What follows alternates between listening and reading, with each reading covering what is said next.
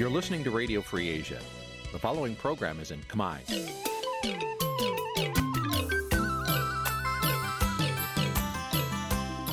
នេះជាកម្មវិធីផ្សាយ Vuthu Azizi Serai នេះជាកម្មវិធីផ្សាយរបស់ Vuthu Azizi Serai ជាភាសាខ្មែរ Vuthu Azizi Serai សូមស្វាគមន៍លោកអ្នកនាងទាំងអស់ពីរដ្ឋធានី Washington នៃសហរដ្ឋអាមេរិក ចាប់ពីរដ្ឋធានី Washington នាងខ្ញុំម៉ៃសុធានីសូមជម្រាបសួរលោកអ្នកស្ដាប់ទាំងអស់ជាទីមេត្រីចាយើងខ្ញុំសូមជូនការផ្សាយសម្រាប់ព្រឹកថ្ងៃប្រហ័ស15កើតថ្ងៃពេញបូរមី ខែប្រគុណឆ្នាំឆ្លូវត្រីស័កពុទ្ធសករាជ2565ហើយដល់ត្រូវនៅថ្ងៃទី17ខែមីនាគ្រិស្តសករាជ2022ជាដំបូងនេះសូមអញ្ជើញលោកអ្នកនាងកញ្ញាស្ដាប់ព័ត៌មានប្រចាំថ្ងៃដែលមានមេត្តាដូចតទៅ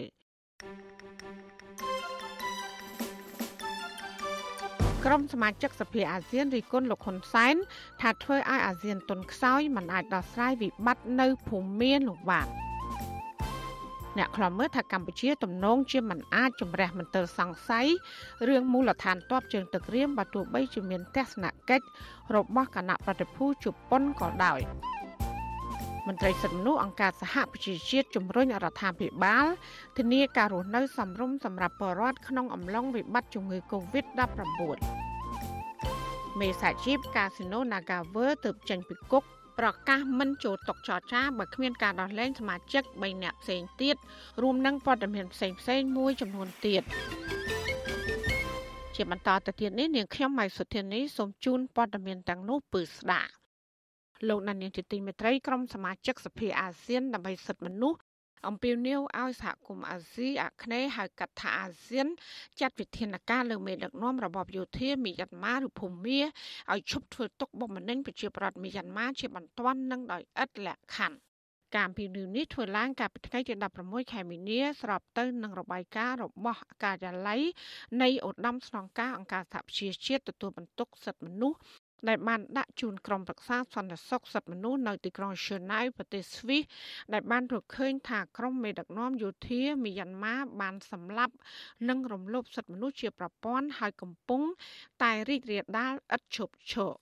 សកម្មភាពទាំងនោះមួយចំនួនស្មើនឹងអក្រិតកម្មសង្គ្រាមនិងអក្រិតកម្មប្រឆាំងមនុស្សជាតិជាដើមនៅទន្ទឹមនេះប្រធានក្រុមសមាជិកសភាអាស៊ានដើម្បីសិទ្ធិមនុស្ស និងជាសមាជិកសភាម៉ាឡេស៊ីលោកឆាសាន់ទីយ៉ាហ្គោ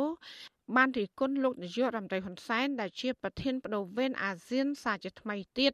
ដោយបានរំលឹកថាលោកហ៊ុនសែនបានព្យាយាមចូលរួមជាមួយមេដឹកនាំអុក្រិតលោកមីនអងលៀងជាឯកតោភាគី កាលពីដើមខែមករាឆ្នាំ2022 លោកក៏បានបញ្ជាក់ថាសកម្មភាពរបស់លោកហ៊ុនសែននេះធ្វើឲ្យអាស៊ានទុនខ្សោយនិងពជាពេជំហានដ៏មានអត្តន័យរបស់សហគមន៍អាស៊ាន ក្នុងការងារជួយសង្គ្រោះជីវិតពលរដ្ឋភូមាលោកក៏បានអះអាងថាអាស៊ាន មានការទទួលខុសត្រូវផ្នែកនយោបាយនិងសិលធម៌ក្នុងការដោះស្រាយវិបត្តិនយោបាយនៅមីយ៉ាន់ម៉ាដែលបង្កឡើងដោយផ្ទាល់ពីក្រុមមេដឹកនាំរបបសឹកខុសច្បាប់ លោកឆាសាន់ទីយ៉ាហ្គោរីគុណលោកហ៊ុនសែននៅស្របពេលដែលប្រេសិតពិសេសរបស់អាស៊ាន ដឹកនាំដោយលោកប្រាក់សុខុនក្រុងដឹកនាំគណៈប្រតិភូទៅជួបមេដឹកនាំរបបសឹកចាប់ពីថ្ងៃទី20ដល់ថ្ងៃទី23ខែមីនាខាងមុខដើម្បីស្វែងរកដំណោះស្រាយនយោបាយនៅភូមាសមាជិកសភាអាស៊ានដដែលនេះសង្កត់ធ្ងន់ថាបញ្ហាសំខាន់ គឺមេដឹកនាំរបបសឹកមិនបានអនុវត្តកិច្ចព្រមព្រៀងទាំង5ចំណុចរបស់អាស៊ាន ដែលបានឯកភាពគ្នានៅប្រទេសឥណ្ឌូនេស៊ីជិត1ឆ្នាំមកនេះលោកក៏បានបញ្ជាក់ថារបបសឹកនៅតែបន្តប្រើអំពើហិង្សាជាទ្រង់ទ្រាយធំ រួមទាំងការឃុំខ្លួនដោយបំពានមិនចាំបាច់និងការប្រើប្រាស់កងកម្លាំងមិនសមហេតុសមផល ប្រឆាំងក្រុមបាតកោដោយសន្តិវិធី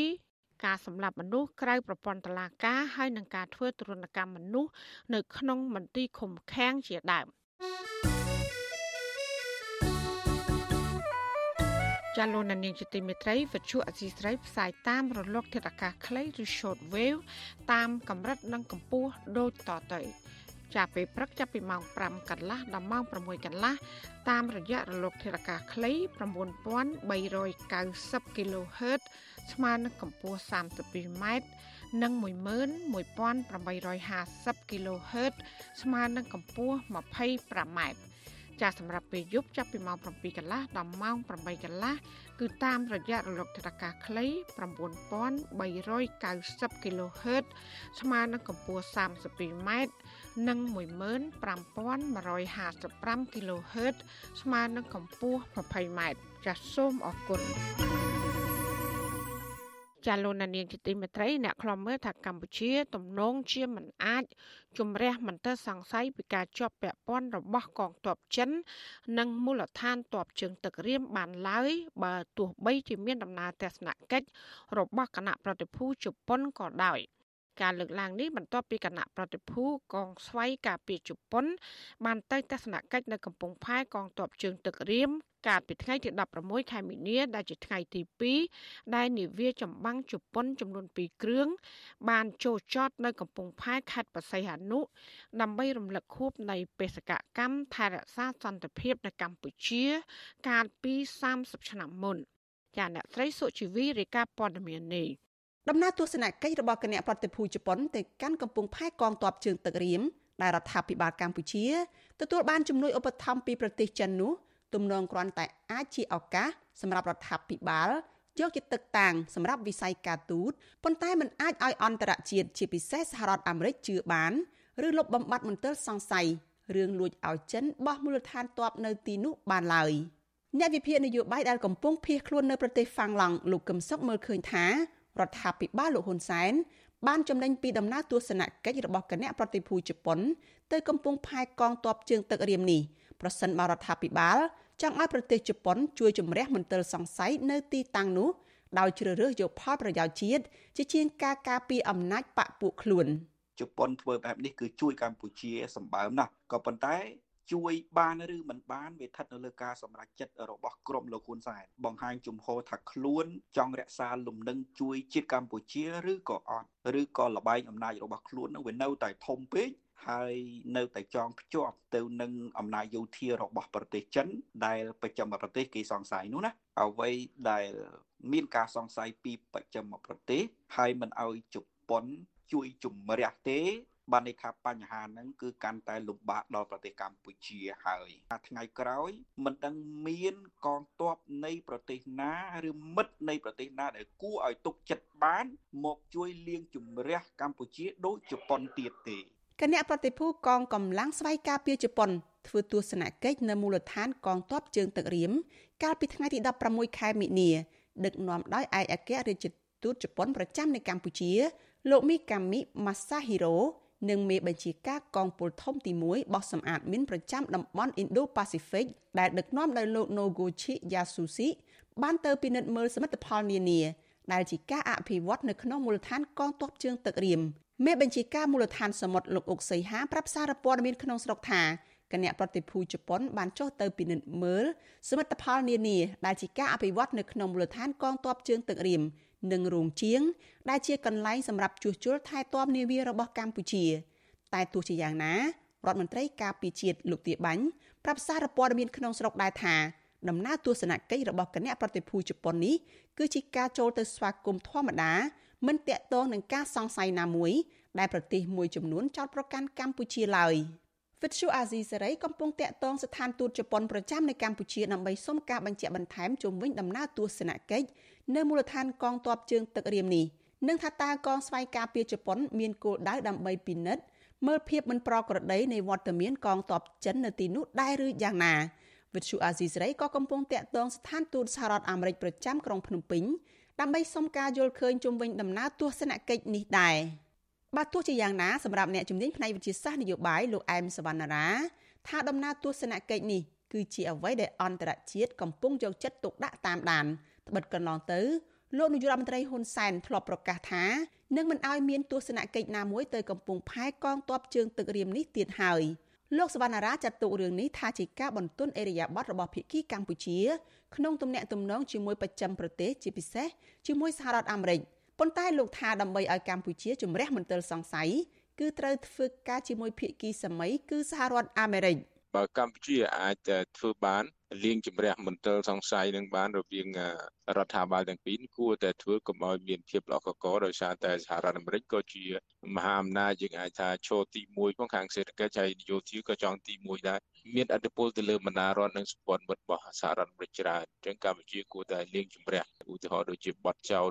លោកកឹមសុខាជាមួយសហរដ្ឋអាមេរិកក៏ជាឧបសគ្គមួយដែរ ប៉ុន្តែបច្ចុប្បន្នយើងឃើញក្រោយពីរដ្ឋាភិបាលកម្ពុជាឈរមកចំពោះបន្ទាត់នយោបាយលោកខាងលិចជា co-sponsor សម្រាប់កិច្ចជុំមហាសន្និបាតអង្គការសហប្រជាជាតិជាអ្នកព្រួយផ្ដើមក៏ជាគំនិតមួយកម្ពុជាបានកាត់បន្ថយបញ្ហាប្រឈមច្រើនបានថាងាកមករកនយោបាយនៅក្នុងបន្ទាត់តែមួយតាមគោលការណ៍ច្បាប់អន្តរជាតិទស្សនកិច្ចរបស់ប្រតិភូជប៉ុននៅមូលដ្ឋានកងទ័ពជើងទឹករៀម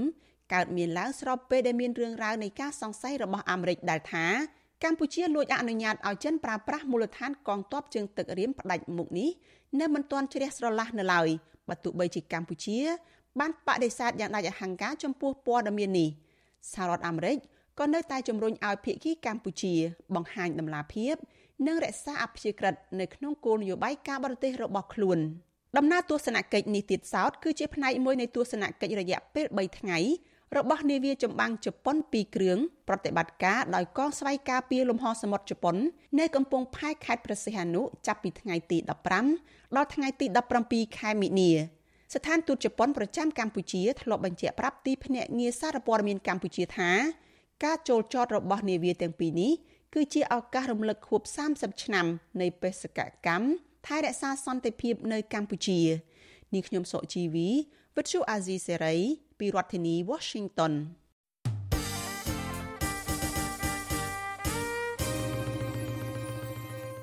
លោកអ្នកស្ដាប់ជាទីមេត្រីមន្ត្រីសិទ្ធិមនុស្សដែលខ្លំមើលសវនាការជំនុំជម្រះក្តីលោកកឹមសុខាកាលពីថ្ងៃទី16ខែមីនា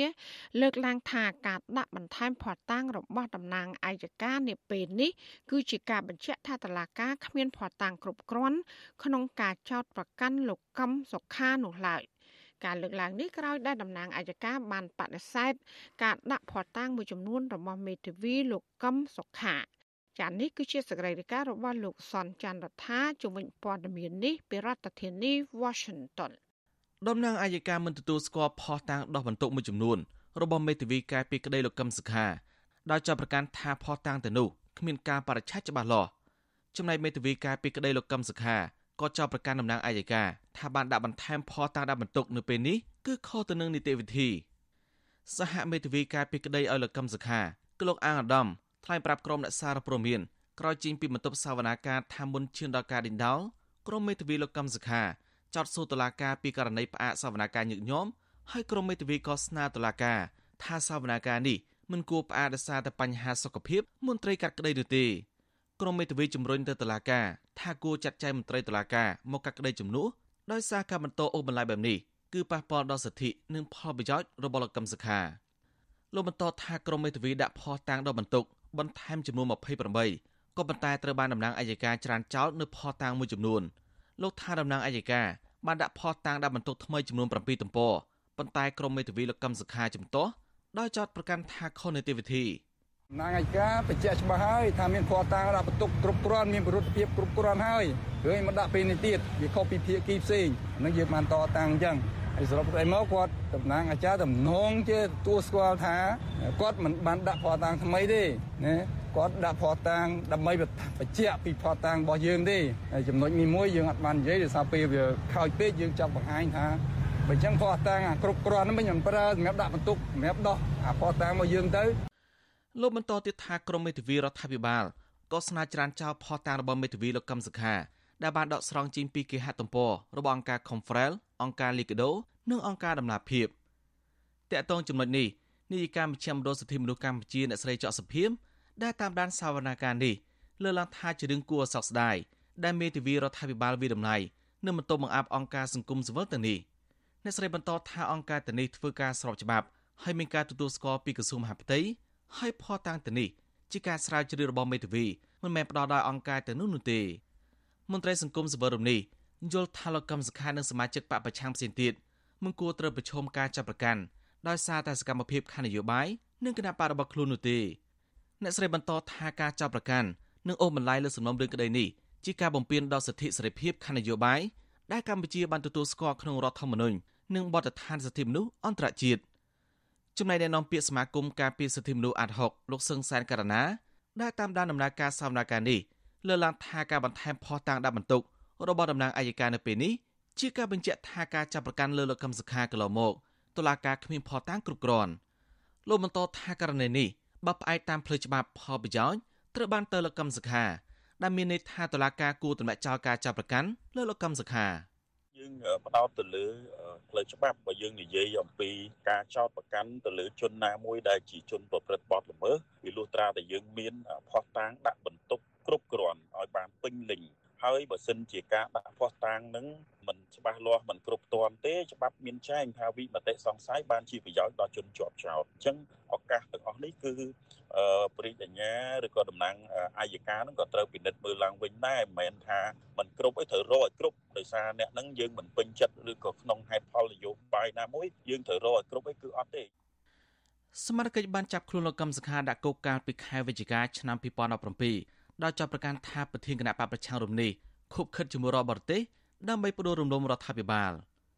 បើទោះបីជាណារយៈពេលជាង4ឆ្នាំមកនេះតុលាការមិនទាន់សម្រេចថាលោកកឹមសុខាមានទោសឬក៏គ្មានទោសនៅឡើយទេហើយតុលាការក៏មិនបង្ហាញរដ្ឋបរទេសណាមួយដែលខុបខិតជាមួយលោកកឹមសុខានៅដែរក៏ប៉ុន្តែកន្លងមករដ្ឋាភិបាលនិងគណៈបកកណ្ដាលអំណាចធ្លាប់ចាប់ប្រកាន់ថាសហរដ្ឋអាមេរិកជាអ្នកនៅពីក្រោយសំណុំរឿងក្បត់ជាតិរបស់លោកកឹមសុខាដោយរដងដែរសវនកម្មលោកកឹមសុខាសប្តាហ៍នេះមានការចូលរួមតាមដានពីតំណាងស្ថានទូតប្រទេសសេរី តំណាងអង្គការសិទ្ធិមនុស្សក្រុមអ្នកសារព័ត៌មាននិងអ្នកគាំទ្រលោកកឹមសុខានៅក្រៅរបបតុលាការប្រមាណ30នាក់ចំណែកសមាជិកប្រមាណ40នាក់បានដាក់យាមការពីយ៉ាងតឹងរឹងជុំវិញបរិវេណតុលាការផងដែរតុលាការនឹងជានិកាសន្និដ្ឋានបញ្ជាក់ថាតុលាការនឹងទទួលស្គាល់ផតាណាខ្លះនិងចរានចោលផតាណាខ្លះនៅក្នុងសវនាការលើទី34នៅសប្តាហ៍ក្រោយថ្ងៃទី23ខែមីនាខាងមុខដែលរួមមានផតាងដាក់បន្ថែមរបស់តំណាងអัยការ និងសំណុំផតាងរបស់មេធាវីការពីក្តីលោកកឹមសុខាខ្ញុំសនចាររថាវិទ្យុអេស៊ីសរ៉ៃរាយការណ៍ពីរដ្ឋធានីវ៉ាស៊ីនតោនចាលោកណានៀងជាទីមេត្រីពាក់ព័ន្ធនឹងរឿងអ្នកជាប់ឃុំវិញលោកសខេងរដ្ឋមន្ត្រីក្រសួងមហាផ្ទៃឲ្យដឹងថាបច្ចុប្បន្នកម្ពុជា មានអ្នកជាប់ពន្ធនាគារជាង30000នាក់ក្នុងនោះ គឺជាង50%ពាក់ព័ន្ធនឹងគ្រឿងញៀន ការបញ្ជាក់របស់លោកសខេងនេះគឺធ្វើឡើងក្នុងជំនួបជាមួយនឹងអ្នករាយការណ៍ពិសេសរបស់អង្គការសហប្រជាជាតិទទួលបន្ទុកសិទ្ធិមនុស្សនៅកម្ពុជា លោកសាស្ត្រាចារ្យវិទិតមន្តបូនតាមប្រព័ន្ធវីដេអូកាលពីថ្ងៃទី15ខែមិនិនា លោកសខេងក៏បានទទួលស្គាល់ពីបញ្ហាចង្អៀតណែនក្នុងពន្ធនាគារហើយថាក្រសួងមហាផ្ទៃកំពុងយកចិត្តទុកដាក់កសាងហេដ្ឋារចនាសម្ព័ន្ធបន្ថែមទៀតដើម្បីដោះស្រាយនិងកំពុងពិចារណាដោះលែងអ្នកជាប់ឃុំខ្លួនស្រាលស្រាមួយចំនួនដោយរងចាំនីតិវិធីរបស់តុលាការ ក្នុងជំនួបនេះដែរលោកសខេងឲ្យដឹងតាមទំព័រ Facebook របស់លោកថាលោកក៏បានលើកឡើងពីបញ្ហាជនភៀសខ្លួន ដោយបានបញ្ជាក់ថាក្នុងនាមជាប្រទេសហត្ថលេខីនៃអនុសញ្ញាជនភៀសខ្លួន កម្ពុជាអនុវត្តយ៉ាងខ្ជាប់ខ្ជួននៅកាតព្វកិច្ចរបស់ខ្លួនលើជនភៀសខ្លួនម៉ុងតាញាដែលបានឆ្លងដែនចូលមកកម្ពុជាហើយនឹងកំពុងស្វាស្វែងរកប្រទេសទី3សម្រាប់ពួកគេទៅរស់នៅ។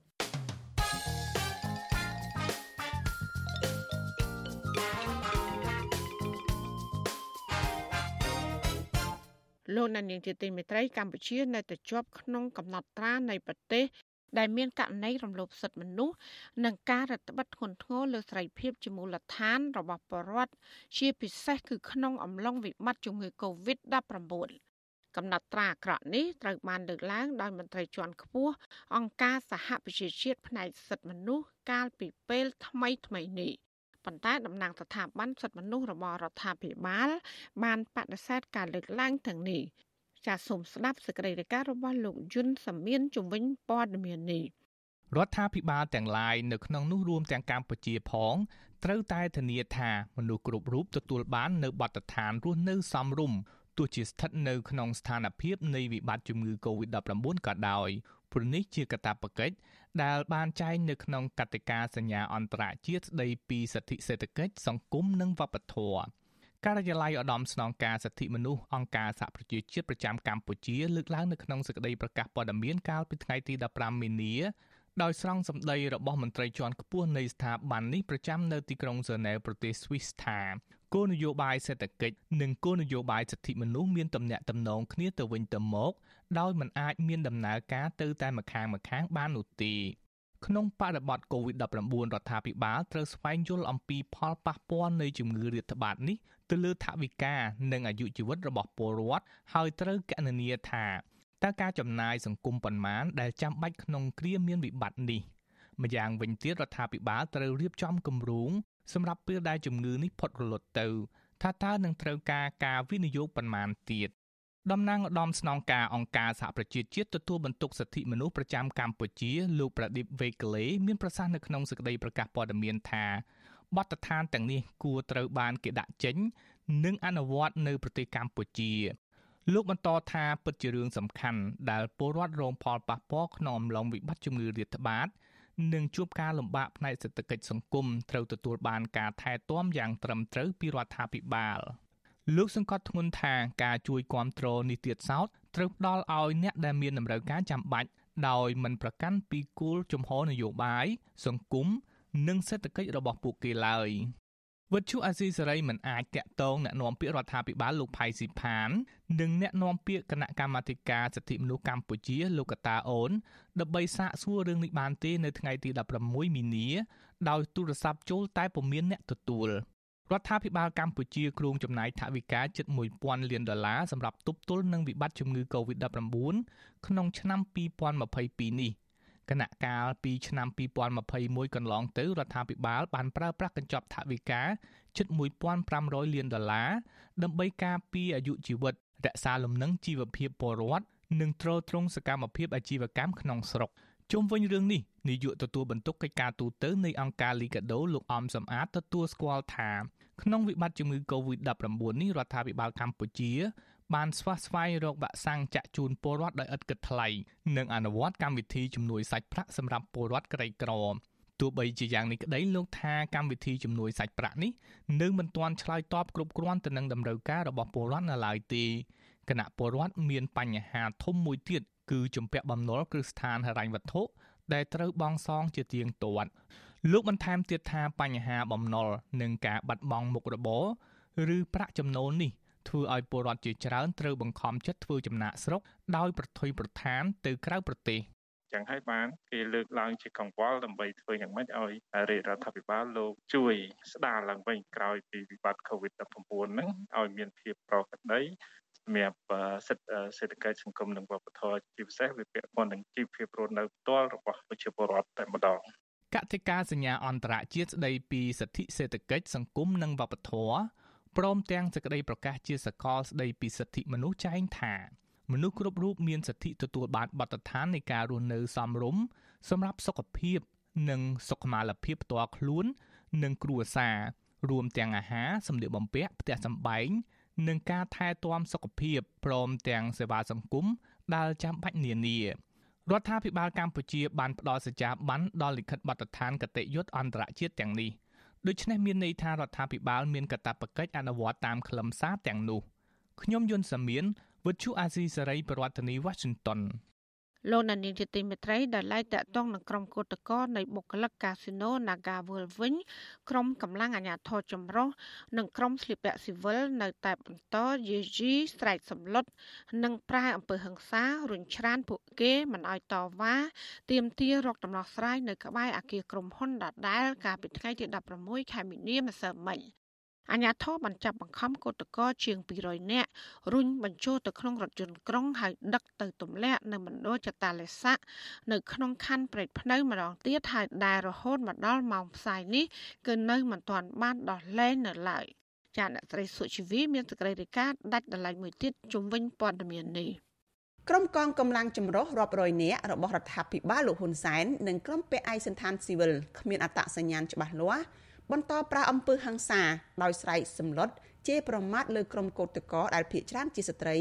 និងរុញច្រានកោតក្រផ្ទប់នឹងរថយន្តដើម្បីដឹកជញ្ជូនទៅទម្លាក់ចោលនៅក្នុងមណ្ឌលចាត់តល័យស័កក្នុងខណ្ឌព្រែកភ្នៅ នៅថ្ងៃទី16ខែមិនិនាកោតក្រនឹងជាបុគ្គលិកក្រុមហ៊ុន Casino Nagavel លោកស្រីចន្ទថាប្រាប់វិទ្យុអាស៊ីសេរីថាកម្លាំងអាជ្ញាធរនៅតែប្រឹងរារាំងកាងអំណាចឲ្យក្រុមហ៊ុនដោយបានប្រាអំពើហិង្សា រុញច្រានធ្វើបាបក្រុមកោតក្រមិនឲ្យរកដំណោះស្រាយនៅក្បែរអគារក្រុមហ៊ុនឡើយលោកស្រីបន្តថាក្រុមកោតក្រនៅតែបន្តចេញធ្វើកោតកម្មរហូតមានដំណោះស្រាយនិងទាមទារឲ្យថៃកែក្រុមហ៊ុននេះបញ្ឈប់ការរើសអើងសហជីពនៅកន្លែងធ្វើការ។គាត់ ព្យាយាមប្រើអំពើហិង្សាលើពួកយើងហ្មងគាត់ក៏ពួកខ្ញុំត្រូវទទួលរងនៅការធ្វើបាបរាងកាយអី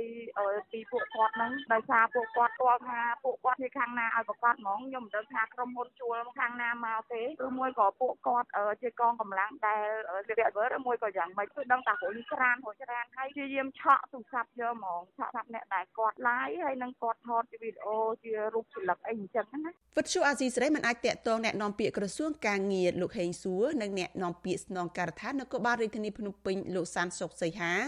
ដើម្បីបំភ្លឺបញ្ហានេះបានទេនៅថ្ងៃទី16ខែមិនិនា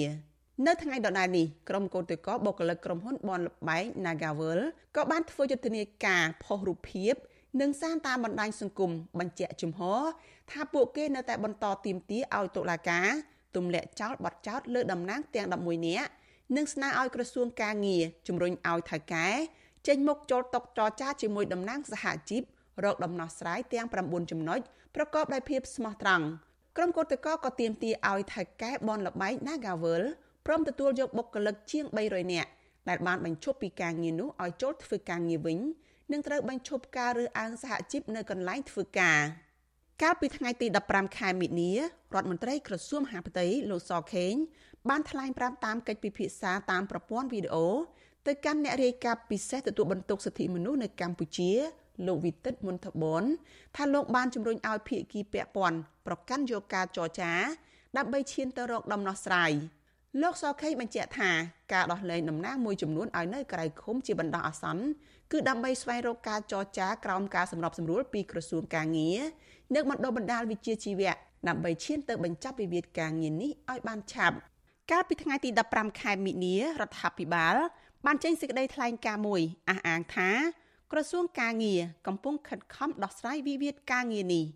បើតាមរដ្ឋាភិបាលអតីតបុគ្គលិកក្រុមហ៊ុន Nagavel ជាង100នាក់នៅក្នុងចំណោមបុគ្គលិកជិត400នាក់បានយល់ព្រមទទួលយកការទូទាត់ប្រាក់បំណាច់បញ្ចប់កិច្ចសន្យាការងារជាមួយក្រុមហ៊ុន និងនៅសល់អតីតបុគ្គលិកជាង200នាក់ដែលមិនព្រមទទួលយកសំណង។ ចំណែកឯសំណើរបស់គឧតកោ3នាក់ដែលកំពុងជាប់ឃុំក្រោមបទល្មើសវិធានការសុខាភិបាលក្រសួងការងារកំពុងរៀបចំស្នើទៅកាន់ក្រសួងយុតិធធនិងក្រសួងសុខាភិបាល ដើម្បីពិនិត្យអន្តរាគមដោះលែងតាមនីតិវិធីសេចក្តីថ្លែងការណ៍ដដែលរបស់រដ្ឋាភិបាលបានលើកឡើងជំនួសភាគីក្រុមហ៊ុនថា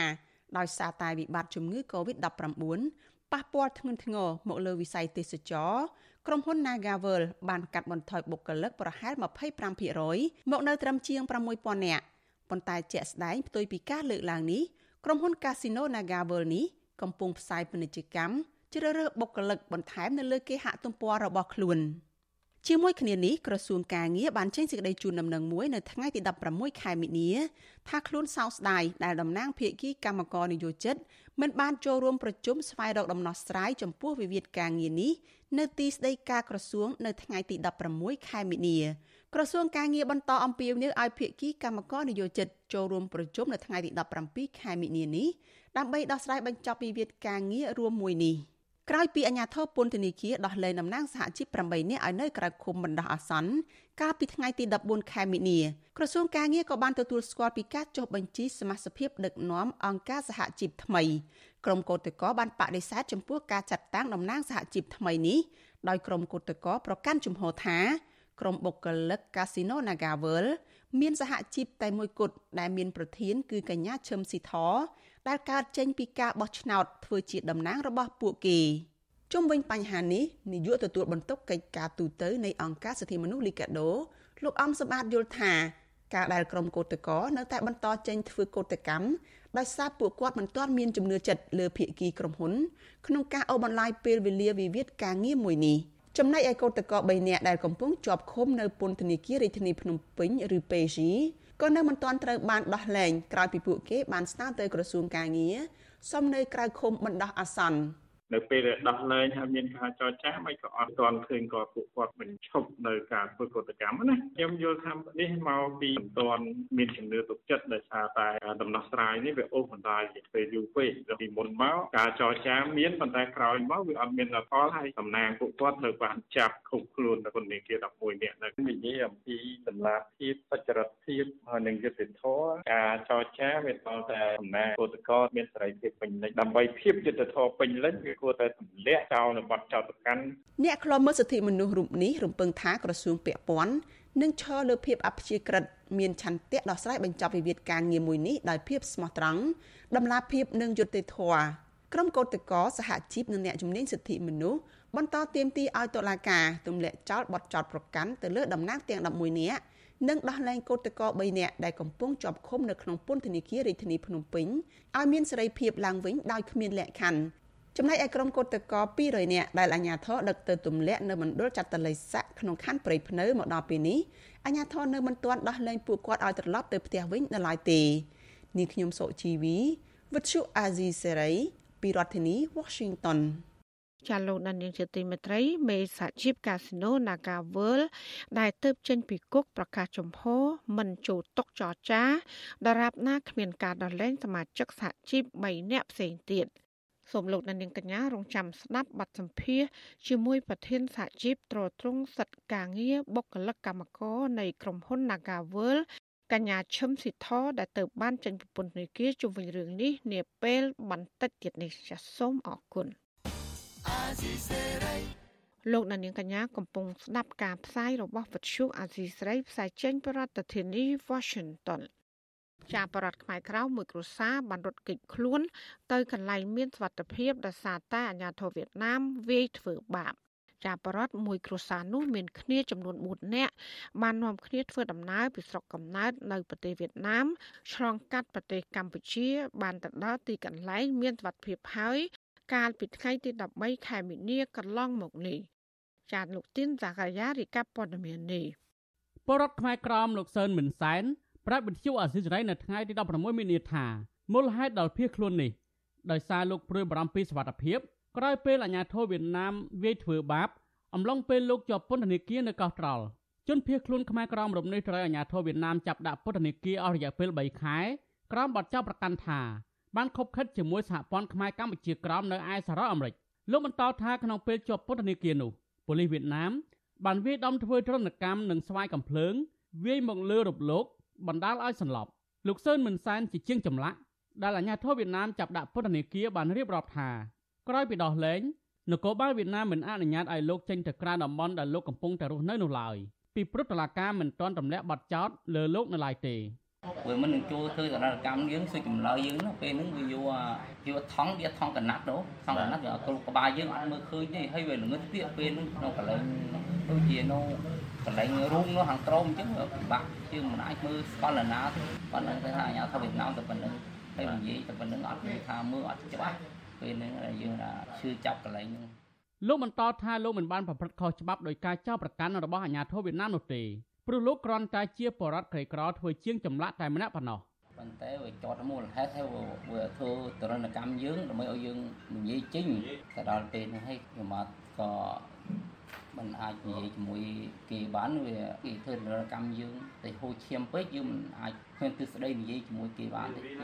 ពេលហ្នឹងវាឆក់ដែរបំផុសឆក់ហ្នឹងវាមកម្នាក់មិនដំបងហ្នឹងមិនតាន់សម្លាប់ទេមកសារទីវាឆក់បានយើងសម្លាប់បរដ្ឋខ្មែរក្រមួយគ្រួសារមានគ្នា4នាក់ដែលបានភៀសខ្លួននេះកំពុងរៀបចំឯកសារដាក់ពាក្យស្នើសុំទៅឧត្តមស្នងការអង្គការសហប្រជាជាតិទទួលបន្ទុកជនភៀសខ្លួន UNHCR ប្រចាំនៅទីក្រុងបាងកកដើម្បីសូមឲ្យជួយការពារសុវត្ថិភាពដល់គ្រួសារលោក របាយការណ៍របស់សមាគមខ្មែរក្រមនៅទីក្រុងបាងកកឲ្យដឹងថាបច្ចុប្បន្ននេះមានបរដ្ឋខ្មែរក្រមជាង200នាក់កំពុងភៀសខ្លួននៅប្រទេសថៃយ៉ាងលំបាកខ្ញុំធីនសាការីយ៉ាអសិលរីប្រធានីវ៉ាស៊ីនតោន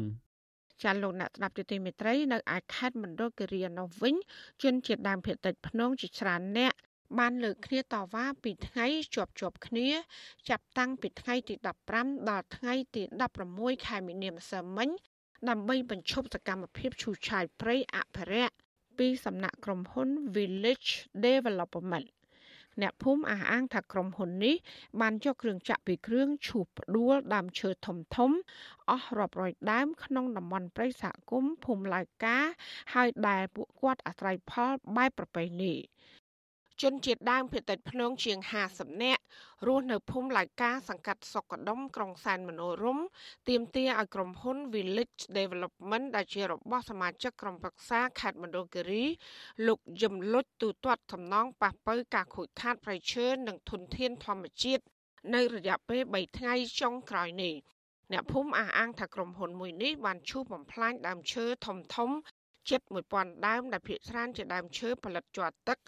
និងដើមជ័រចុងដែលជាឆ្នាំងបាយរបស់ពួកគាត់សមាជិកសហគមន៍ភូមិឡៅកាលោកស្រីផ្លឹកណាវីបានប្រាប់វិទ្យុអសីស្រី នៅថ្ងៃទី16ខែមីនាថាក្រុមហ៊ុននេះបានឈូសឆាយបំពេញចូលព្រៃស្រោងទំហំចាប់ពី5ទៅ6ម៉ែត្របណ្ដោយជិត2គីឡូម៉ែត្រដែលប៉ះពាល់ដើមឈើទាំងតូចទាំងធំដួលរីប៉ាយពេញព្រៃ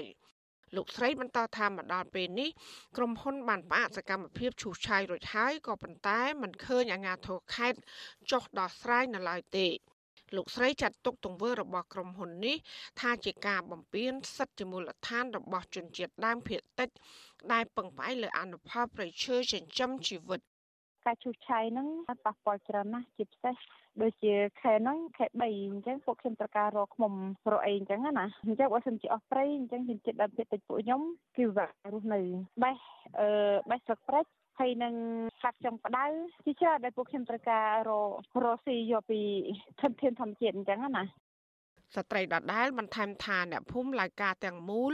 បានចាត់ទុកប្រិយសហគមន៍នេះជាប្រភពសេដ្ឋកិច្ចយ៉ាងសំខាន់ ដែលពួកគាត់តែងតែរកផ្សិតរកឃ្មុំជ័រចុងនិងជ័រទឹកជាដើមហើយថាប៉ះសិនបើឈូសឆាយព្រៃអស់គឺនឹងប៉ះពាល់ជីវភាពពួកគាត់កាន់តែធ្ងន់ វត្ថុអសីស្រីមិនទាន់អាចតាក់ទងសុំការបំភ្លឺរឿងនេះពីអ្នកនាំពាក្យសាលាខេត្តមណ្ឌលគិរីលោកសុនសារុនដើម្បីសុំការបំភ្លឺរឿងនេះបានដល់ឡើយទេ នៅថ្ងៃទី16ខែមីនាដោយសារទូរស័ព្ទមិនអាចតាក់ទងបានចំណែកចៅសង្កាត់សុកដុំវិញលោកពៀនសុផាតបដិសេធមិនឆ្លើយបំភ្លឺរឿងនេះទេដោយលោកថាកំពុងជាប់រវល់ រីឯតំណាងក្រុមហ៊ុន Village Development លោកគ្រួយរីណាបដិសេធថាលោកពុំមែនជាតំណាងក្រុមហ៊ុនដូចជាការលើកឡើងរបស់ប្រជាប្រដ្ឋនោះឡើយលោកថាលោកគឺជាមន្ត្រីនគរបាលចុះខ្លំមើលបរដ្ឋតាវ៉ាហើយខ្លាចក្រែងកើតមានអំពើហិង្សាក្នុងនាមខ្ញុំជានគរបាលខ្ញុំចុះទៅមើលសភាពការមើលនៅកន្លែងនោះអញ្ចឹងណាបងជីវរដ្ឋហ្នឹងគាត់ចេញអាកប្បកិរិយាមកឆ្កំឆ្គងច្រឡប់ថត់តងបកវត្តអីមកអញ្ចឹងណា តំបន់ការពារធម្មជាតិឡាយកាមានទំហំដីជាង2000ហិកតា បានចុះបញ្ជី ជាព្រៃសហគមន៍ដោយក្រសួងបរិស្ថានកាលពីឆ្នាំ2014 ព្រៃសហគមន៍នោះគឺស្ថិតនៅក្នុងដែនជម្រកសត្វព្រៃភ្នំព្រិចនៃភូមិឡាយកាសង្កាត់សុកដុមក្រុងសែនមនោរមខេត្តមណ្ឌលគិរីអ្នកភូមិថាចាប់តាំងពីបង្កើតសហគមន៍មក ពួកគេប្រឈមបញ្ហាជាច្រើនដូចជាសហគមន៍បានប្តឹងចាត់ប្រកាន់ក្រុមហ៊ុន Village Development តាក់ទងនឹងការរំលោភឈូសឆាយព្រៃការពារជិត300ហិកតាហើយនឹងកាប់បំផ្លាញដើមឈើផលិតជាប់ទឹករបស់សហគមន៍រាប់ពាន់ដើម ទីប្រឹក្សាបណ្ដាញសហគមន៍ជនជាដើមភេតិចភ្នងលោកគ្រឿងដុល្លារស្នើឲ្យក្រសួងកសិកម្មហើយនិងក្រសួងបរិស្ថានសហការគ្នាចុះដោះស្រាយបញ្ហានេះជាបន្ទាន់តាក់ទងនឹងករណីក្រុមហ៊ុនបន្តបំផ្លាញប្រៃឈើដែលបន្សល់ចុងក្រោយ ហើយដែលអ្នកភូមិខិតខំថែទាំ។រាល់ការបាត់បង់ព្រៃឈើហ្នឹងម្ចាស់ក្រុមហ៊ុនហ្នឹងដោយសារតែគាត់បានដាំដុះរួចហើយបញ្ឈប់ការជួសឆាយរួចហើយឥឡូវហ្នឹងគាត់ធ្វើប៉ះពាល់ដល់ព្រៃព្រៃឈើទៀតហើយប៉ះពាល់ដល់សម្បត្តិរបស់ជីវរដ្ឋទៀតគួរតែចេញមុខមកដោះស្រាយហើយដើម្បីបញ្ចប់ស្នុំ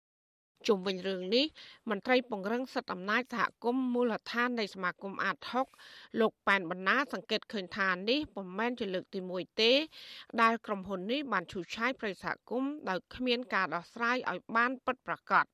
លោកបញ្ជាក់ថាអាជ្ញាធរខេត្តនិងក្រសួងពាក់ព័ន្ធគួរតែកំណត់ព្រំប្រទល់ដីរបស់ក្រុមហ៊ុនឲ្យបានច្បាស់លាស់និងដោះស្រាយបញ្ហាប្រឈមទាំងនេះដោយយុត្តិធម៌និងតម្លាភាពស្ងាត់បានរយៈមកលើឃើញចាប់ដើមឈូសឆាយទៀតហើយបាទដោយមិនកំណត់ទីតាំងច្បាស់លាស់ថាដីសម្បត្តិទទួលបានបណ្ណាហើយដើមឈើ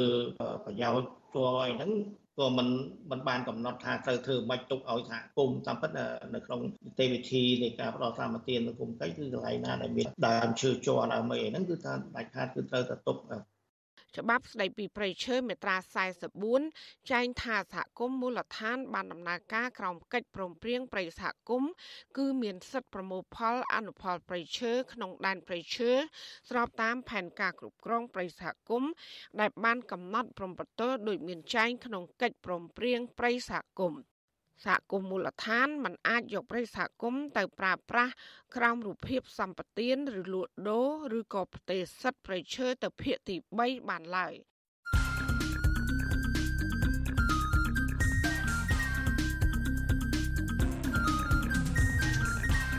បតសំភារ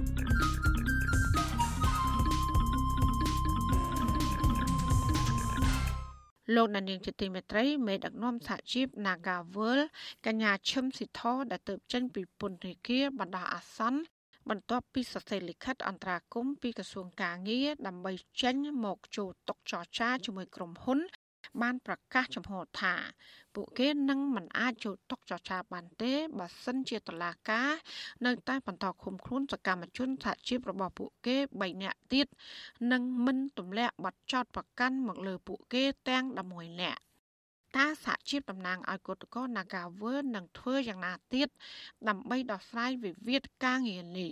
ជាជាបន្តទៅទៀតនេះសូមលោកដានៀងស្ដាប់បទសម្ភាសន៍ រវាងអ្នកស្រីខែសំណងជាមួយនឹងកញ្ញាឈឹមស៊ីធប្រធានសហជីពត្រួតត្រងសិទ្ធិការងារបុគ្គលិកកម្មករនៃក្រុមហ៊ុន Nagavel ជុំវិញបញ្ហានេះដូចតទៅ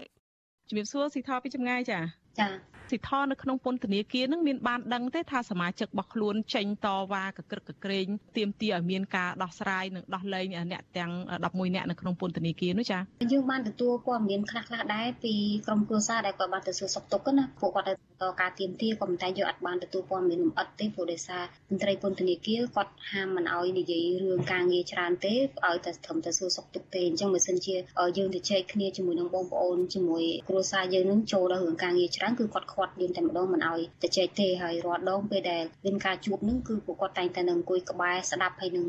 កត់ត្រានៅអ្វីដែលយើងបានជែកគ្នាទៀតអញ្ចឹងយើងទទួលបានព័ត៌មានតិចមែនតើជាពិសេសគឺបញ្ហាប្រឈមដែលពួកគាត់ត្រូវបានបៀតបៀនត្រូវបានទទួលរងអំពើហិង្សាពីអាជ្ញាធរមិនដឹងខាងណាខាងណីខ្លះដែលអ្នកខ្លះស្លៀកកៅអៅស៊ីវិលដោយសមាជិករបស់យើងម្នាក់បានផ្ដល់បទសម្ភាសន៍នឹងគឺមានការរំធត់ចិត្តមែនទែនចំពោះទង្វើទាំងអស់នឹងហើយនៅជាមួយនឹងដែរក៏មានអារម្មណ៍ស្ងើចសរសើរហើយនឹងសឹងតែខ្ញុំអាចនិយាយបានថាតែពួកខ្ញុំទៅរងទុក្ខលំបាកនៅក្នុងពន្ធនាគារនឹងវាទៅជាមិនស្មើនឹងការប្រឈមហើយនឹងបញ្ហាការធ្វើបាបធ្វើទុកបុកម្នេញទៅដល់សមាជិកយើងដែលនៅខាងក្រៅហើយពួកគាត់បន្តធ្វើការទៀមទានឹងអញ្ចឹងមែនតើទៅគឺពិតជាខ្ញុំកោតសរសើរហើយនឹងគ្រប់ឆន្ទៈរបស់ពួកគាត់ខ្លាំងមែនទែន ចាសិទ្ធហេតុអីបានជាពួកគាត់មោះមុតយ៉ាងនេះដូចថាមើលទៅដូចអត់ស្រកស្រត់សោះមិនភ័យខ្លាចសោះត្បិតតែគេចាប់គេអូសអីរបួសសឹងតែរាល់ថ្ងៃហើយយកទៅដាក់មណ្ឌលចតាលេស័កដែលគ្មានអនាម័យដេកមុខខំអត់បាយកាហាយទឹកអីចឹងតើអ្វីទៅដែលគាត់មោះមុតដល់ប៉ុណ្ណឹងចាខ្ញុំថាដោយសារគំរូភាពនៃសហជីពរបស់យើងតាំងពីថ្នាក់ដឹកនាំចំនួនមុនគឺយើងប្រកាន់គោលចំហមួយជាសហជីពដែលឯករាជ្យហើយយើងហ៊ាននិយាយអំពីបញ្ហាដែលជាបញ្ហារបស់ពួកគាត់ ហើយទៅទៅចែកដោះស្រាយជាមួយភាគីក្រុមហ៊ុនហើយរយៈពេលតាំងពីឆ្នាំ2000រហូតមកដល់ពេលនេះគឺជាសកម្មភាពមួយដែលសហជីពយើងតែងតែធ្វើហើយបុគ្គលិកទាំងអស់គឺគាត់បានដឹងបានលឺអញ្ចឹងហើយគាត់មើលឃើញពីសារៈសំខាន់របស់សហជីពអានឹងទី1ហើយទី2យើងឃើញថាប្រជាពលរដ្ឋយើងឥឡូវចាប់ផ្ដើមយល់ដឹងអំពីសិទ្ធិរបស់ខ្លួនឯងច្រើនហើយពួកគាត់មិនត្រឹមតែយល់ទេគាត់ចាប់ផ្ដើមមានសកម្មភាពនៅក្នុងការការពារសិទ្ធិរបស់គាត់ទៀតនៅពេលដែលមានការគំរាមកំហែងការរំលោភបំពាននិងមានចេតនានៅក្នុងការដកហូបសិទ្ធិរបស់គាត់ខ្ញុំគិតថាចំណុចពីរនេះគឺជារឿងដែលសំខាន់ដែលធ្វើពួកពួកគាត់មិនអាចដកថយបានមិនអាចបណ្ដោយឲ្យគេដកហូតសិទ្ធិសេរីភាពរបស់ពួកគាត់បាន ចាត្រង់ចំណុចនេះសិទ្ធិខ្ញុំឃើញថានៅពេលដែលក្រមសិទ្ធិ8នាក់ដែលចេញពីពន្ធនាគារនឹងមានសរសេរលិខិតមួយដែលសន្យាថានឹងលែងឲ្យមានការជួបប្រជុំតវ៉ាឯទៀតហើយដើម្បីជួបជុំធ្វើការទៀមទាចរចាដំណោះស្រាយការងារជាមួយក្រសួងការងារប៉ុន្តែយើងឃើញថាតាំងពីថ្ងៃសិទ្ធិចេញពីពន្ធនាគារមកនោះពួកគាត់នៅតែបន្តសកម្មភាពទៀមទាឲ្យមានការដោះលែងអ្នកនៅសល់3អ្នកទៀតនៅខាងក្នុងនោះសរុប11អ្នកនឹងឲ្យទម្លាក់ចោលការចោលប្រកាន់ហើយគាត់នៅតែតវ៉ាមួយក្រុមហ៊ុនអីចឹងតើរឿងនេះវាយ៉ាងម៉េចទៅវិញទៅហើយឃើញថាក្រសួងការងារបានសរសេរមកទៀតថាខកខានគេសោកស្ដាយដែលខាងសហជីពមិនបានចូលជាតំណាងនយោជិតហើយមិនបានចូលទៅចរចាអីហ្នឹងហើយគេផ្ដល់ឱកាសឲ្យថ្ងៃស្អែកទៀតហ្នឹងតើរឿងនេះយ៉ាងម៉េចទៅវិញទៅចា៎ពាក់ព័ន្ធជាមួយនឹងលិខិតសំណូមពរក៏ដូចជាការសន្យារបស់ពួកយើងខ្ញុំទាំងអស់8នាក់នៅក្នុងពន្ធនាគារគឺជាលិខិតដែលពួកយើងបានព្រឹត្តមេដៃនឹងធ្វើឡើងពិតប្រាកដមែនហើយជាអ្វីដែលយើងបាន ទៅចែកពិភាក្សាគ្នានៅក្នុងក្រុមរបស់យើង ដោយមានការជួយសម្រួលពីប្រធានមណ្ឌលដែលលោកគិតថាគួរតែអនុញ្ញាតឲ្យមានការជជែកគ្នាដើម្បីស្វែងរកដំណោះស្រាយហើយក៏សូមថ្លែងអំណរគុណដល់លោកប្រធានមណ្ឌលធ្វើត្បិតតែលិខិតរបស់យើងធ្វើនៅក្នុងទីនោះដោយពួកយើងផ្ទាល់ពិតប្រាកដមែនក៏ប៉ុន្តែវាកើតចេញពីការដែលពួកយើងគិតថាបើសិនជាយើងមិនគិតរកដំណោះស្រាយ ហើយនឹងបន្ទន់អេយប័តជាពិសេសគឺយើងចង់បង្ហាញទៅថ្នាក់ដឹកនាំរបស់យើងជាពិសេសសម្ដេចឧបនាយករដ្ឋមន្ត្រីសខេងដែលយើងទទួលបានតាមព័ត៌មានថាលោកខិតខំកោះប្រជុំដើម្បីស្វែងរកដំណោះស្រាយទាំងអស់ហ្នឹងអញ្ចឹងជាកូនជាចៅយើងសុខចិត្តថាយើងបោះដៃទៅឲ្យតាក់ទឹកនាំយើងដើម្បីបង្ហាញថាយើងមានចេតនានៅក្នុងការដោះស្រាយបញ្ចប់បញ្ហាវិវាទនេះ អ្វីដែលយើងសនំពោទៅឲ្យសមាជិករបស់យើងឲ្យពួកគាត់ប្រឈប់ការតវ៉ាឲ្យគាត់ចូលធ្វើការវិញអ្នកដែលមានឈ្មោះនៅធ្វើការហើយនិងអ្នកដែលមានឈ្មោះត្រូវក្រុមហ៊ុនប្រឈប់ហើយមិនព្រមទទួលសំណងនោះនៅស្ងប់ស្ងាត់ដើម្បីរងចាំដំណោះស្រាយ ឲ្យពួកយើងនៅក្រៅឃុំជាបរិសុទ្ធដើម្បីបំពេញតួនាទីយើងជាតំណាងនៅក្នុងការចរចាកុំឲ្យមានការគុំគួនទៅលើកោតក្រអីពេលដែលពួកគាត់ត្រឡប់ចូលធ្វើការវិញហ្នឹងគឺជាសំណូមពររបស់យើងប៉ុន្តែមែនតើទៅការសម្រេចចិត្តស្ដាប់ឬក៏មិនស្ដាប់ទទួលសំណូមពររបស់យើងក៏នៅតែជាសិទ្ធិរបស់កោតក្រអញ្ចឹងមកដល់ថ្ងៃនេះគឺយើងបានជួបជាមួយនឹងសមាជិករបស់យើងប្រជុំជាមួយពួកគាត់ហើយពួកគាត់អត់ស្វ័យចិត្តជាមួយនឹងពួកយើងច្រើនប៉ុន្តែយើងក៏ ព្យាយាមរកដំណោះស្រាយរកជំរឿផ្សេងផ្សេងឲ្យពួកគាត់ពិចារណាប៉ុន្តែយើងគោរពការសម្រេចចិត្តរបស់ពួកគាត់បើសិនជាគាត់ទទួលយកសំណើឬក៏មិនទទួលយកសំណើវានៅតែជាសិទ្ធិរបស់គាត់ដដែលដោយសារកោតកម្មនេះតាមច្បាប់ហើយក៏តាមលក្ខន្តិកៈរបស់សហជីពគឺកើតឡើងបន្ទាប់ពីពួកគាត់បានបោះឆ្នោតសម្រេចថានឹងធ្វើការតស៊ូមតិនឹងនឹងធ្វើកោតកម្មនឹងអញ្ចឹងបញ្ចប់ឬក៏បន្តវាជាការសម្រេចចិត្តរបស់ពួកគាត់ដដែល មិនមាននរណាម្នាក់អាចមានសិទ្ធិសម្រេចទោះបីនាងខ្ញុំជាប្រធានសហជីពក៏ដោយអញ្ចឹងយើងសនំពោក៏ប៉ុន្តែការសម្រេចចិត្តយើងនៅតែមិនអាចបង្ខំគាត់បានទេហើយប៉ុន្តែសិទ្ធិថាគាត់មិនសប្បាយចិត្តជាមួយថ្នាក់ដឹកនាំសហជីពច្រើននឹងមិនសប្បាយចិត្តរឿងអីទៅវិញទៅចារឿងសរសេរលិខិតចេញមកនោះក៏យ៉ាងម៉េចចា ចារឿងដែលសំណូមពរឲ្យពួកគាត់ចូលធ្វើការវិញទាំងមិនទាន់មានដំណោះស្រាយហើយជាពិសេសគឺពួកខ្ញុំនៅក្រៅឃុំនេះគ្រាន់តែជាការនៅក្រៅឃុំបណ្ដោះអាសន្នជាក់ស្ដែងគឺបាត់ចោតគឺនៅតែមិនទាន់ទម្លាក់ចោលនៅឡើយទេហើយសកម្មជនរបស់យើង3រូបទៀតដែលនៅជាប់ផ្លូវ PZ ក៏មិនទាន់បានឮដំណឹងអីទាំងអស់នឹងទៀតជាការទៅចែកគ្នានៅក្នុងមណ្ឌលដែលយើងបានទៅចែកជាមួយនឹង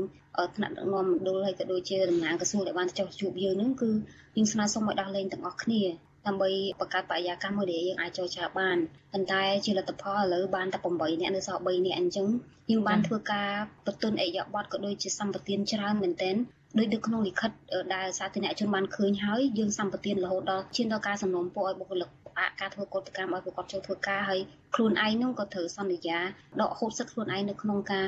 ប្រើប្រាស់សិទ្ធិសម្ដែងមតិហើយ តួនាទីរបស់ខ្លួនឯងជាថ្នាក់នាំសហជីពជាតំណាងនៅក្នុងការសម្របសម្រួលការប្រជុំអីផ្សេងផ្សេងហ្នឹងក៏យើងសុខចិត្តថាយើងសន្យាទៅខាងក្រសួងទៀតជាការសម្បទានមួយធំមែនតើដែលយើងគិតថាយើងចង់បង្ហាញជំហរចុងក្រោយមួយកាលនោះយើងនៅក្នុងពន្ធនាគារហើយសាលាតូបានបដិសេធការស្នើសុំនៅក្រៅឃុំហើយយើងគិតថាដំណើររឿងនេះនឹងទៅមុខហើយគឺ តឡាការនឹងប្រកាន់ហើយ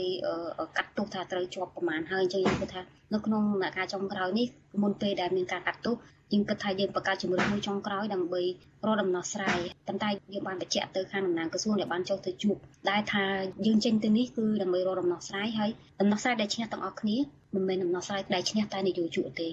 ចាអញ្ចឹងថ្ងៃស្អែកដែលខាងក្រសួងការងារដែលគេប្រកាសថានឹងហៅចូលម្ដងទៀតនៅរសៀលថ្ងៃស្អែកហ្នឹងតើក្រមសិទ្ធិនឹងចូលចរចាទេចាមែនតើទៅមិនមែនតែក្រសួងសោកស្ដាយទេយើងខ្លួនយើងក៏យើងសោកស្ដាយដែរពីព្រោះគោលបំណងនៅក្នុងការចេញមកនេះគឺយើងចង់ទៅចរចាដើម្បីបញ្ចប់បញ្ហា ដើម្បីរកដំណោះស្រាយឆ្នើឆ្នះទាំងអស់គ្នានឹងក៏ប៉ុន្តែយើងមិនអាចសម្បទានអីលើសនឹងបានទៀតទេលិខិតដែលយើងបានធ្វើនឹងគឺយើងសម្បទានវាលើសមែនតែនវាច្រើនមែនតែនយើងមិនអាចទៅជួយទុកចរចានៅពេលដែលសមាជិករបស់យើង3រូបនៅក្នុងមន្ទីរឃុំឃាំងនឹងឡើយទេវាគ្រប់គ្រាន់ហើយដែលពួកខ្ញុំចូលទៅចរចាជាមួយនឹងកិច្ចសន្យានឹងហើយបាត់ចោតមិនទាន់បានទម្លាក់ គឺយើងបានសម្បទានច្រើនមែនទែនយើងមិនទិនអីយ៉ាបត់ច្រើនមែនទែនវាមិនមានតលយៈភាពវាមិនមានសមភាពនៅក្នុងអំណាចតែក្នុងការចរចាបတ်ទៅហើយត្រឹមតែប៉ុណ្្នឹងអញ្ចឹងបើសិនជា3នាក់ទៀតមិនត្រូវបានដោះលែង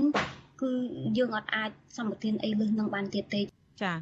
មួយវិញទៀតសិទ្ធខ្ញុំឃើញព័ត៌មានពីកោតកោដែលគាត់ថាមានការបង្កើតសហជីពថ្មីនៅក្នុង ក្រុមហ៊ុនទៅទៀតក្នុងពេលដែលដោះលែងក្រុមសិទ្ធ8នាក់នឹងហើយប៉ុន្តែបែរជាមានសហជីពថ្មីអីមកវិញតើរឿងនេះយ៉ាងម៉េចទៅហាក់អាចវាប៉ះពាល់ទៅដល់ការចរចានីតិវិធីនៅក្នុងការដោះស្រាយចរចាដែលថាសរសេរលិខិតអីចេញមកថានឹងចេញចរចាឥឡូវមកមានសហជីពថ្មីអីអញ្ចឹងណាចាមែនតើទៅយើងអត់ទទួលស្គាល់ថាជាសហជីពទេអ្វីដែលយើងមើលឃើញទៅណាគឺជាស្ថាប័នតែបង្កើតឡើងដោយក្រុមហ៊ុនទេវាជាស្ថាប័នคล้ายคล้ายបង្កើតឡើងដោយក្រុមហ៊ុនទេពពោះថ្នាក់ដឹកនាំថ្មីនេះគឺជាបុគ្គលិកចាស់ដែលយើងស្គាល់ហើយជាអតីត សមាជិកសហជីពរបស់យើងដែរហើយតាំងពីឆ្នាំ2009មកគឺគាត់អត់ចូលរួមទេហើយអ្នកណាអ្នកណាក៏ស្គាល់ដែរនៅក្នុងក្រុមហ៊ុនគឺជាអ្នកដែលចេញមុខនៅក្នុងការ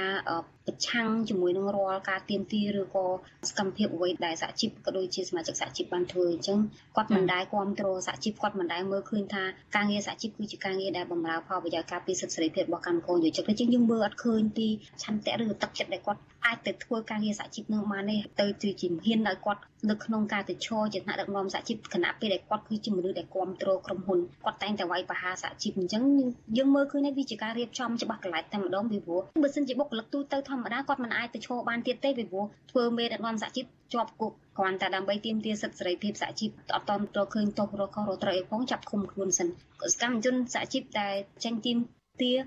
អត់តន់រកខុសរកត្រូវឲ្យឃើញផងក៏ចាប់ឃុំខ្លួនចាប់ដាក់គុកអញ្ចឹងអ្នកណាហ៊ានទៅឈរឈ្មោះជាប្រធានសហជីពទៀតបើសិនជាមិនមានការការពារស្អីមិនមានការ back up អីនៅពីក្រោយគឺយើងមើលឃើញវាជាការរៀបចំតែម្ដងសិទ្ធិសំណួរខ្ញុំចង់ក្រោយតើនឹងទៀមទាឲ្យមានការដោះស្រាយចរចាយ៉ាងម៉េចនៅពេលដែលក្រុមសិទ្ធិ8នាក់បានមានសេរីភាពនឹងបន្ទាប់ទៅទៀតនឹងធ្វើអ្វីទៀតចាស់ឥឡូវនឹងក្នុងលិខិតជំនុំនឹងធ្វើកោតកម្មពីចំណុចទៀមទារបស់គាត់នឹងជំហរនៅក្នុងការទៀមទានៅរដាវអ្វីដែលយើងទៅចរចាគឺយើងនៅចរចាចំណុចទៀមទាទាំងអស់នឹងរដាវគ្រាន់តែថាវាអាចថាមានការប្រែប្រួលតួលេខមួយចំនួនក្នុងរយៈពេលដែលពួកខ្ញុំជាប់ក្នុងពន្ធនាគារហ្នឹងយើងបានទទួលរំលឹងថាមានបុគ្គលិកខ្លះក៏ព្រមទទួលយកសំណងខុសច្បាប់ដែលមិនត្រឹមត្រូវតាមច្បាប់ដែលក្រុមហ៊ុនទូទៅឲ្យបាត់ទៅហើយអញ្ចឹងបានថាចំនួនអ្នកដែលទៀមទាចូលធ្វើការនឹងអាចថយតិចជាងមុនចាអរគុណច្រើនសិទ្ធិដែលបានផ្ដល់សម្ភារឲ្យវិទ្យុស៊ីស្រីសូមជំរាបលាកញ្ញាត្រឹមប៉ុណ្ណេះសិនចាចាអរគុណ ចាលោកដានៀងកញ្ញាទៅបានស្ដាប់បទភិរវាងអ្នកស្រីខែសំណងជាមួយកញ្ញាឈឹមស៊ីធប្រធានសហជីពត្រួតត្រងសិទ្ធិការងារបុគ្គលិកកម្មករនៃក្រុមហ៊ុន Nagavel ពីចំហចូលតុចរចាដោះស្រាយវិវាទការងារជាមួយនឹងក្រុមហ៊ុន Nagavel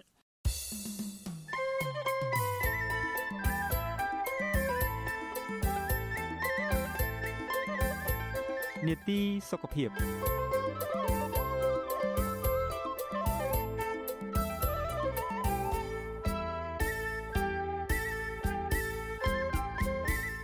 លោកណានៀងជាទីមេត្រីជំងឺកញ្ជ្រិលងាយឆ្លងពីមនុស្សម្នាក់ទៅមនុស្សម្នាក់ទៀតយ៉ាងឆាប់រហ័សតាមរយៈការប៉ះពាល់ដោយផ្ទាល់ជាមួយអ្នកជំងឺដែលក្អកកណ្ដាស់និងតាមរយៈខ្យល់ដកដង្ហើមនៅពេលដែលកុមារឆ្លងជំងឺកញ្ជ្រិលកុមារនោះនឹងស្ដែងចេញជារូបសញ្ញាស្តៀងនឹងជំងឺគ្រុនផ្ដាសាយនោះដែរគឺគ្រុនក្តៅហៀសម្បោរឈឺភ្នែក ក្អកនិងចេញកន្ទួលក្រហមនៅលើស្បែករបស់កុមារតើកត្តាអ្វីខ្លះបណ្ដាលទៅរស់នឹងកុមារកើតជំងឺកញ្ជ្រិលហើយត្រូវធ្វើដោយម្ដេចដើម្បីការពារចានៅក្នុងនីតិសុខភាពប្រចាំសប្តាហ៍នេះនាងខ្ញុំសូមរាយការណ៍ជូនពិស្ដាជំវិញរឿងនេះដូចតទៅគ្រូពេទ្យកុមារឲ្យដឹងថាការចាក់វ៉ាក់សាំងការពារជំងឺកញ្ជ្រិលស្រឡតែននិងស្អូចហៅកាត់ថា MMR គឺជាមធ្យោបាយដ៏ប្រសើរបំផុត ដើម្បីកាត់បន្ថយហានិភ័យដល់កុមារគ្រប់រូបដែលអាចប្រឈមបញ្ហាសុខភាពធ្ងន់ធ្ងររហូតដល់ករណីខ្លះអាចបាត់បង់ជីវិតក៏មាន ជំងឺកញ្ជ្រិលងាយកើតនិងឆ្លងចំពោះកុមារដែលខ្វះអាហារូបត្ថម្ភកុមារដែលកើតជំងឺរបេងកុមារដែលមិនបានបើកទឹកដោះដំបូងរបស់ម្ដាយគ្រប់គ្រាន់និងការរស់នៅប្រចាំថ្ងៃខ្វះអនាម័យ ចារោគសញ្ញាដំបូងដំបូងនៃជំងឺកញ្ជ្រិលគឺក្តៅខ្លួនខ្លាំងរហូតដល់40អង្សាសេ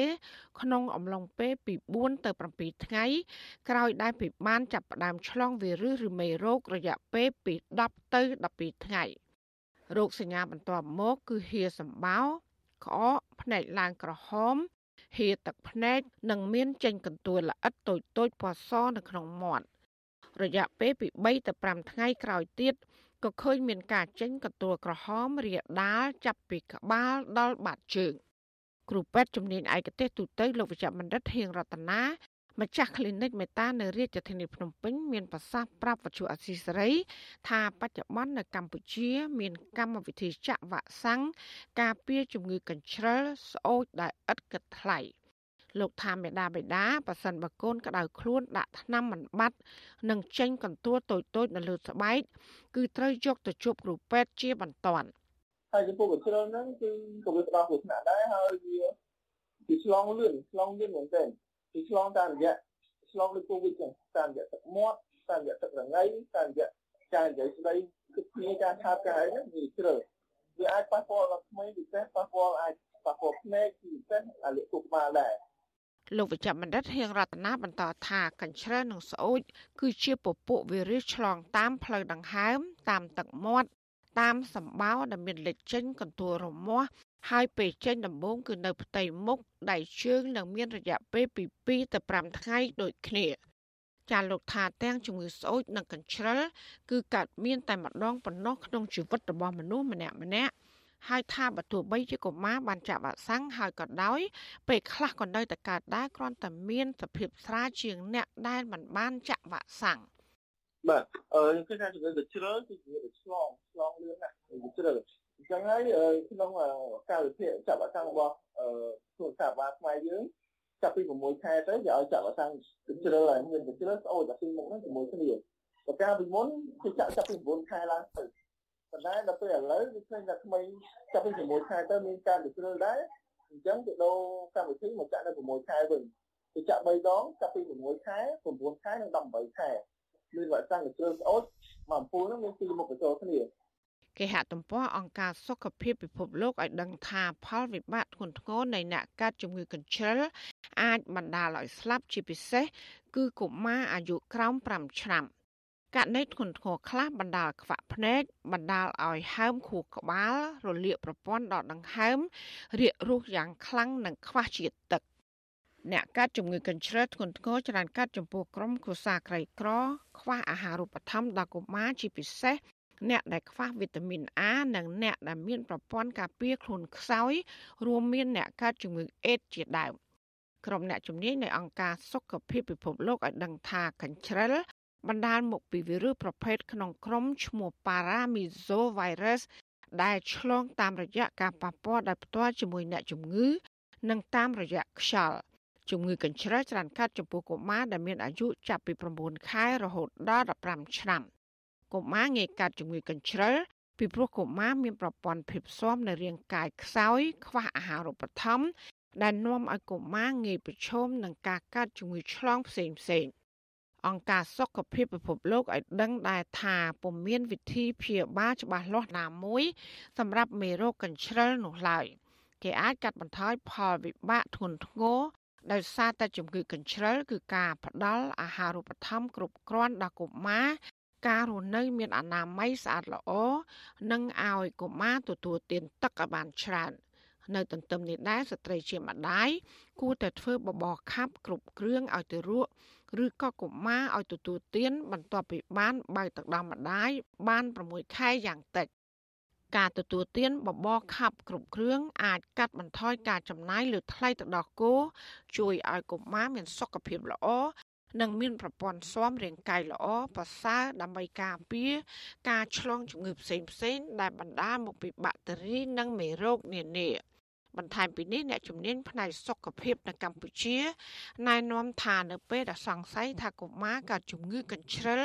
ឪពុកម្ដាយឬក៏អាណាព្យាបាលត្រូវជៀសវាងនៅជំនឿមិនសមហេតុសមផលមួយចំនួន ដូចជាការបន្ស្រន់ការស្ដោះផ្លុំរបស់គ្រូខ្មែរបុរាណនិងមិនត្រូវផ្សំថ្នាំឲ្យកុមារលេបផ្ដេសផ្ដាស់ដោយគ្មានវិជ្ជាបញ្ជាត្រឹមត្រូវជាដាច់ខាត ភាពយឺតយ៉ាវក្នុងការនាំកុមារដែលមានសភាពជំងឺកញ្ជ្រឹលកម្រិតធ្ងន់ទៅមណ្ឌលសុខភាពនិងមន្ទីរពេទ្យនោះគឺអាចបណ្ដាលឲ្យកុមារបាត់បង់អាយុជីវិត ចាស្ថិតិអង្គការសុខភាពពិភពលោកឲ្យដឹងថាទោះបីជាមានវ៉ាក់សាំងការពារជំងឺកញ្ជ្រឹលក៏ដោយក៏ប៉ុន្តែមនុស្សចំនួន140,000នាក់បានស្លាប់កាលពីឆ្នាំ2018នៅជុំវិញពិភពលោក ក្នុងនោះក៏មាន24នាក់នៅក្នុងប្រទេសកម្ពុជាដែលសារតែជំងឺកញ្ជ្រឹលហើយភាគច្រើនបំផុតគឺកុមារអាយុក្រោម5ឆ្នាំ